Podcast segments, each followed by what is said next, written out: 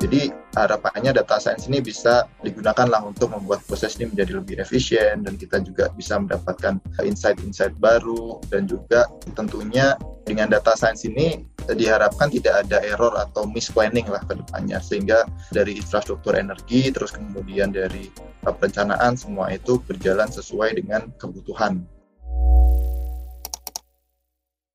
Halo, ketemu lagi di Data Talks channel podcast pertama di Indonesia yang membahas tentang data science. Nah, oke, okay. apa kabar Don? Kita udah seminggu gak ketemu nih. Kita, bukan seminggu lagi nih, Lid. Udah dua minggu kan kita nggak ketemu. Oh iya ya betul kemarin lo sendirian ya. Oke. Okay. gimana nih? Gimana nih? Gue sekarang bawa teman lagi soalnya Don. Lu udah siap gak ketemu sama temen gue yang baru? Oh iya, punya sesuatu yang baru lagi. Tapi thank you loh ya. Gara-gara podcast ini gue tuh mulai tahu sedikit tentang data science itu apa. Ternyata diperlukan di kehidupan kita sehari-hari gitu ya.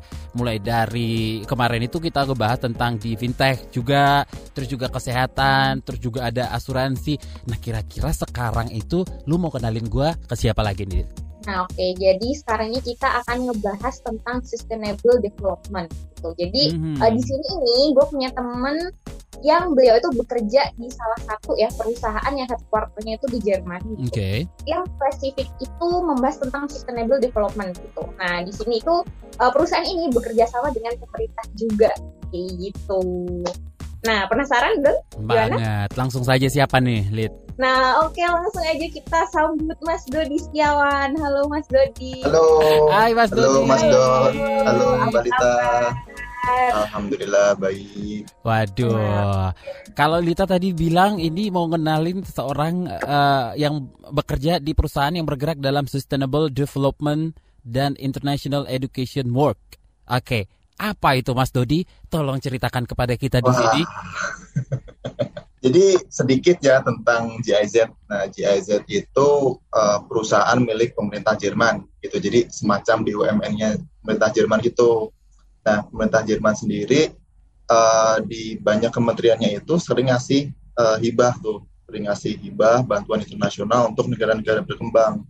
Nah, di situ GIZ berperan dalam uh, implementasinya. Jadi kita kerjasama dengan lebih dari 130 negara ya di dunia gitu untuk topik-topik pembangunan berkelanjutan. Jadi seperti uh, untuk perubahan iklim, uh, energi terbarukan, untuk uh, governance, untuk uh, manajemen lingkungan dan seterusnya hmm. gitu. Jadi memang banyak banget sih uh, topiknya ini nggak cuman nggak cuman energi, cuman nanti di sini saya mungkin uh, akan banyak membahas tentang energi ya karena kebetulan saya sendiri uh, di GIZ di Indonesia ini uh, uh, diberikan tugas untuk uh, implementasi kegiatan terkait energi terbarukan.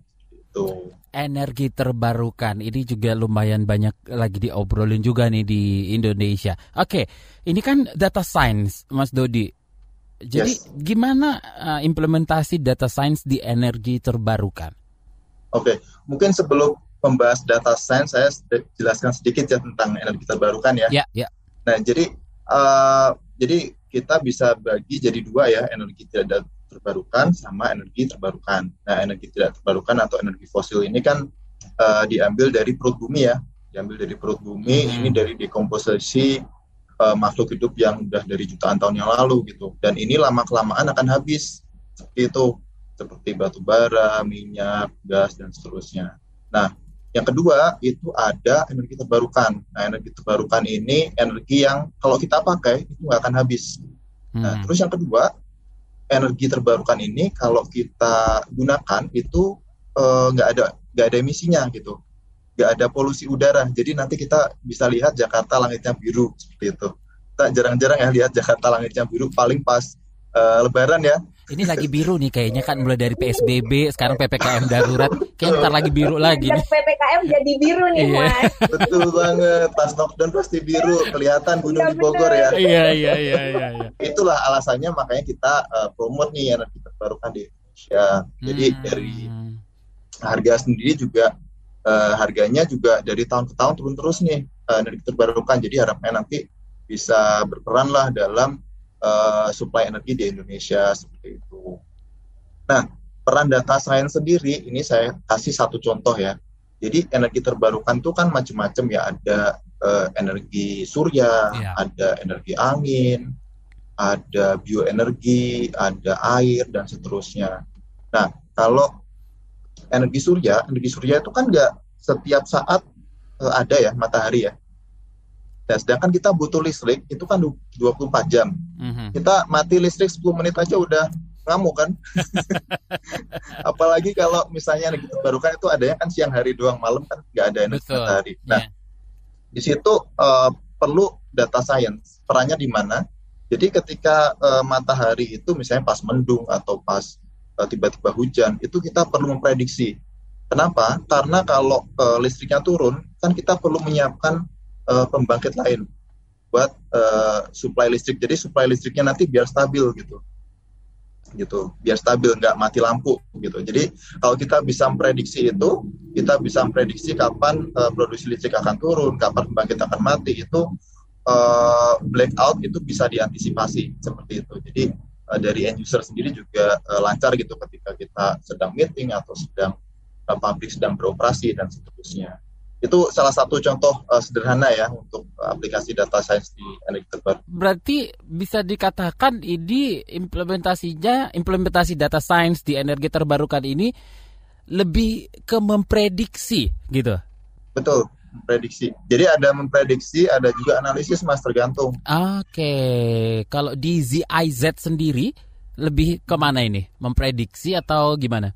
Nah, kalau GIZ sendiri uh, karena kita uh, sebenarnya besar besar banget ya mas jadi ada di 130 negara terus topiknya juga macam-macam mm -hmm. ini uh, aplikasinya banyak banget mas jadi misalnya uh, di GIZ itu juga ada uh, kita aja namanya GIZ Data Lab nah, di situ kita ada khusus orang-orang uh, yang uh, memanfaatkan data science untuk isu-isu uh, pembangunan berkelanjutan gitu jadi misalnya untuk pemetaan, pemetaan uh, masa panen, terus kemudian juga uh, untuk uh, mobil uh, analisis mobilitas uh, apa itu namanya di kota besar untuk uh, perencanaan uh, public transport dan seterusnya. Dengar-dengar bukan dengar-dengar sih baca ya dari contekan proyek yang lagi dikerjakan ini namanya Explore. Yes. Oke, ceritain dong Mas. Explore ini siapa, apa dan bagaimana? explore. Yeah. Jadi kita explore ya. Uh, explore di sini um, kita bekerja sama dengan Kementerian SDM ya hmm. uh, untuk di Indonesia. Jadi kita uh, membantu Kementerian SDM dalam perencanaan energi terbarukan gitu. Kegiatan-kegiatannya banyak banget sih, mulai dari perencanaan uh, infrastruktur energi terbarukan, terus kemudian kita juga uh, estimasi kebutuhan energi terbarukan ke depan tuh uh, berapa sih dan di mana nih yang kira-kira pertumbuhannya paling pesat dan membutuhkan uh, infrastruktur tambahan misalnya seperti itu. Uh, terus kita juga bikin uh, mobile application juga buat uh, instalasi biogas gitu untuk uh, jadi di mobile application ini kita uh, membantu operator karena operator uh, biogas itu biasanya mereka cuma pakai kertas. Dicatat ditaruh di kertas kemudian tiap hari dia rekap gitu. Nah dengan mobile app ini si operator uh, tinggal datang ke apa eh, titik-titik untuk uh, inspeksi seperti itu. Dia masukkan datanya terus kemudian si app itu akan memberikan rekomendasi. Mana nih parameter-parameter uh, yang bisa di-adjust supaya kinerjanya optimal seperti itu jadi kita juga membuat um, mobile app ini supaya uh, gak cuman uh, forecasting tadi ya jadi juga meningkatkan kinerja uh, instalasi biogas Nah, oke okay, Mas Dodi, aku uh, ya. penasaran nih. Tadi kan Mas Dodi ada bilang ya bahwa kita itu sekarang udah di GIZ sendiri udah memanfaatkan mobile app gitu ya. Uh, di mana biasanya uh, ada input secara manual gitu. Setelah adanya mobile app ini, kita bisa inputnya itu udah nggak manual lagi gitu. Nah, berarti itu kan uh, salah satu cara buat nge-collect data ya.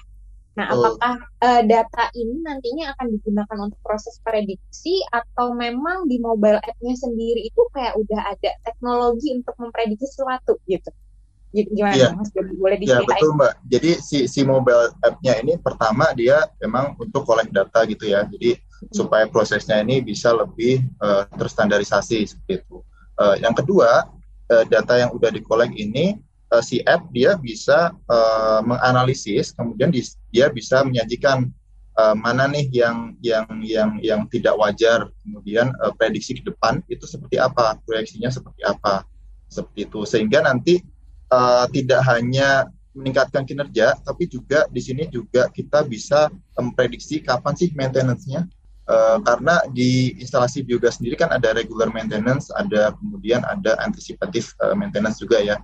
Nah, jadi si aplikasi ini juga membantu nantinya si operator jadi supaya uh, tidak sampai tiba-tiba uh, instalasinya mati seperti itu. Jadi kita udah bisa antisipasi sebelum alat-alat itu rusak seperti itu. Oh, Oke, okay. jadi uh, setelah kita kayak pengisian data, dia tuh juga bisa untuk dilakukan untuk memprediksi gitu ya. Betul, betul, betul, ya. betul. Nah, kemudian ada satu lagi nih contoh yang menarik. Uh, jadi kita ada satu proyek itu di NTT. Jadi kita bikin namanya Solar S Maker. Nah, Solar S Maker ini memanfaatkan energi surya energi surya terus kemudian dia nggak uh, jadi energinya itu nggak disimpan di baterai tapi uh, energi yang diterima sama si uh, solar panel ini langsung digunakan untuk memproduksi es gitu nah jadi uh, apa energi yang disalurkan itu langsung di, dijadikan es gitu jadi sistemnya ini dia mengoptimasi jadi berapapun iradiasi yang masuk itu akan disalurkan dalam bentuk es gitu. Hmm. Dengan tidak adanya baterai ini, maka kosnya bisa ditekan karena harga baterai itu mahal. Seperti itu. Jadi ini salah satu juga pemanfaatan yang menarik di yang kita laksanakan di Kupang nih. Untuk solar Berarti di balik itu tuh kayak ada teknologi untuk memprediksi juga gitu ya Mas ya. Betul, betul, betul Mbak. Oh, oke, oke, oke. Wow. Nah, jadi memang fokusnya banyak ke prediksi gitu ya Don ya. Berarti kalau kita bisa tarik kesimpulan gitu ya. Agak berat ya memprediksi. Iya, benar. Aduh. gitu. Bisa memprediksi nah. masa depan juga nggak Mas itu di, dibuat? berat, berat. oh iya nih, aku jadi pengen diprediksi masa depannya nih. Okay. Edisi kapan nih PPKM berakhir nih? Ah iya itu. Nah, yang bisa nggak itu? Tapi mas ya, bisa nggak sih mas? Bener penasaran nggak sih? Iya penasaran dong. Jangan-jangan iya. bisa di IZ gitu. Kayak dilihat dari pola-pola tertentu misalkan gitu.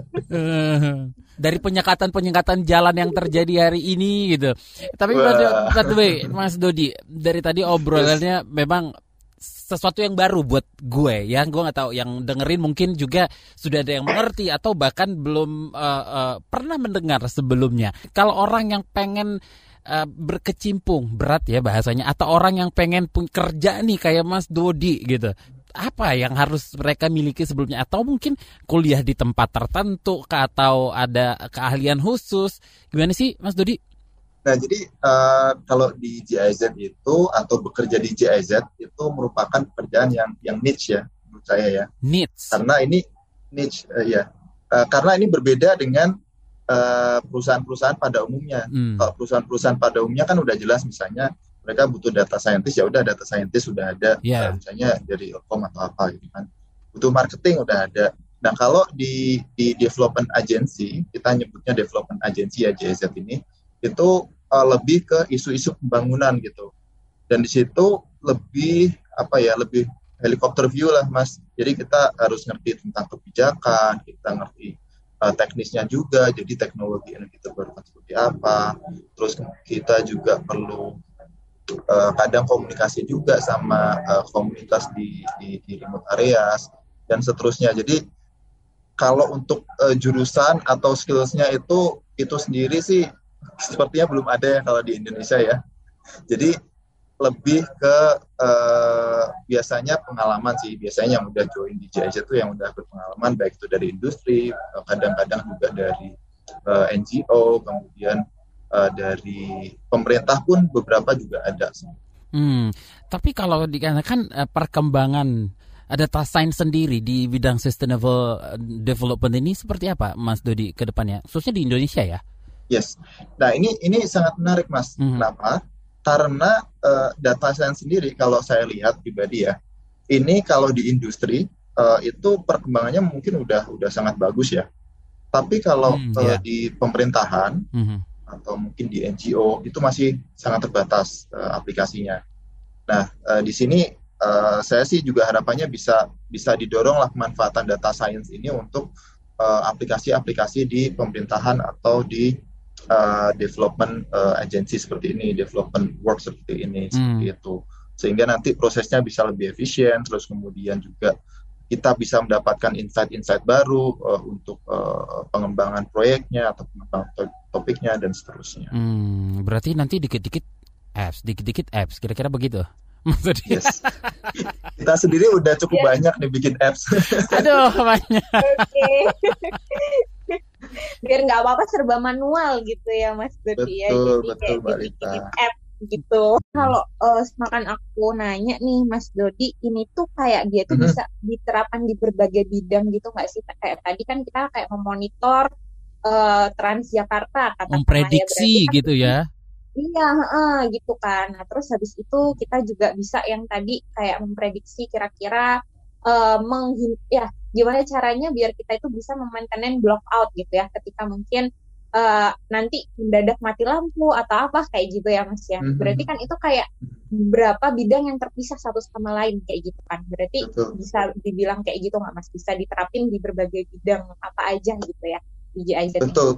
Betul betul mbak. Jadi memang kalau kalau saya lihat sih data science ini uh, atau permasalahan utama data ya di Indonesia itu data data itu mungkin belum terlalu dihargai. Kemudian pengumpulan data juga masih terbatas.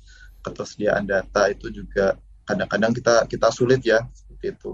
Padahal kalau kita lihat potensinya itu sangat besar peran data science itu ke depan sangat besar gitu. Jadi makanya uh, sekarang ini mulai muncul banyak aplikasi, baik itu aplikasinya aplikasinya sebenarnya tidak hanya untuk uh, memainstreaming proses ya atau untuk data collection, tapi juga uh, data yang dihasilkan dari aplikasi itu itu kan nantinya dapat dianalisa lagi untuk pengembangan uh, lebih lanjut uh, seperti itu. Dan ini tentunya aplikasinya sangat sangat bermacam-macam ya, mulai dari tadi transportasi, kemudian kalau di pertanian itu uh, kita di Kalimantan ada proyek yang uh, apa tuh namanya crowd mapping. Jadi petani petani-petani itu dia dapat melakukan uh, pemetaan secara masing-masing uh, individual gitu ya, tapi datanya nanti dijadiin satu seperti itu. Kemudian dijadikan uh, apa kayak community map seperti itu. Uh, terus kita juga bisa memprediksi masa panen uh, untuk tanaman itu kapan dan seterusnya. Wah. Wow. Nah, memprediksi masa panen biasanya kalau padi mungkin udah sikat panen gitu ya, tapi memprediksi gitu ya Mas ya. Oke. Okay. Oke, berarti uh, kalau pertanyaan seperti ini Mas Dodi, harapannya nih untuk data science sendiri di industri energi Indonesia seperti apa?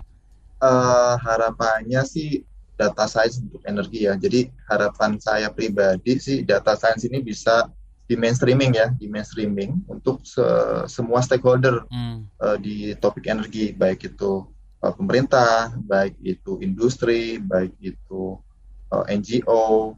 Jadi harapannya data science ini bisa uh, digunakan lah untuk membuat proses ini menjadi lebih efisien dan kita juga bisa mendapatkan insight-insight baru dan juga tentunya apa ya dengan data science ini tidak diharapkan tidak ada error atau misplanning lah ke depannya sehingga uh, apa dari infrastruktur energi terus kemudian dari perencanaan semua itu berjalan sesuai dengan kebutuhan. Ya, oke okay nih Don, gimana ilmu baru yang bermanfaat kan sekarang? Selalu dong.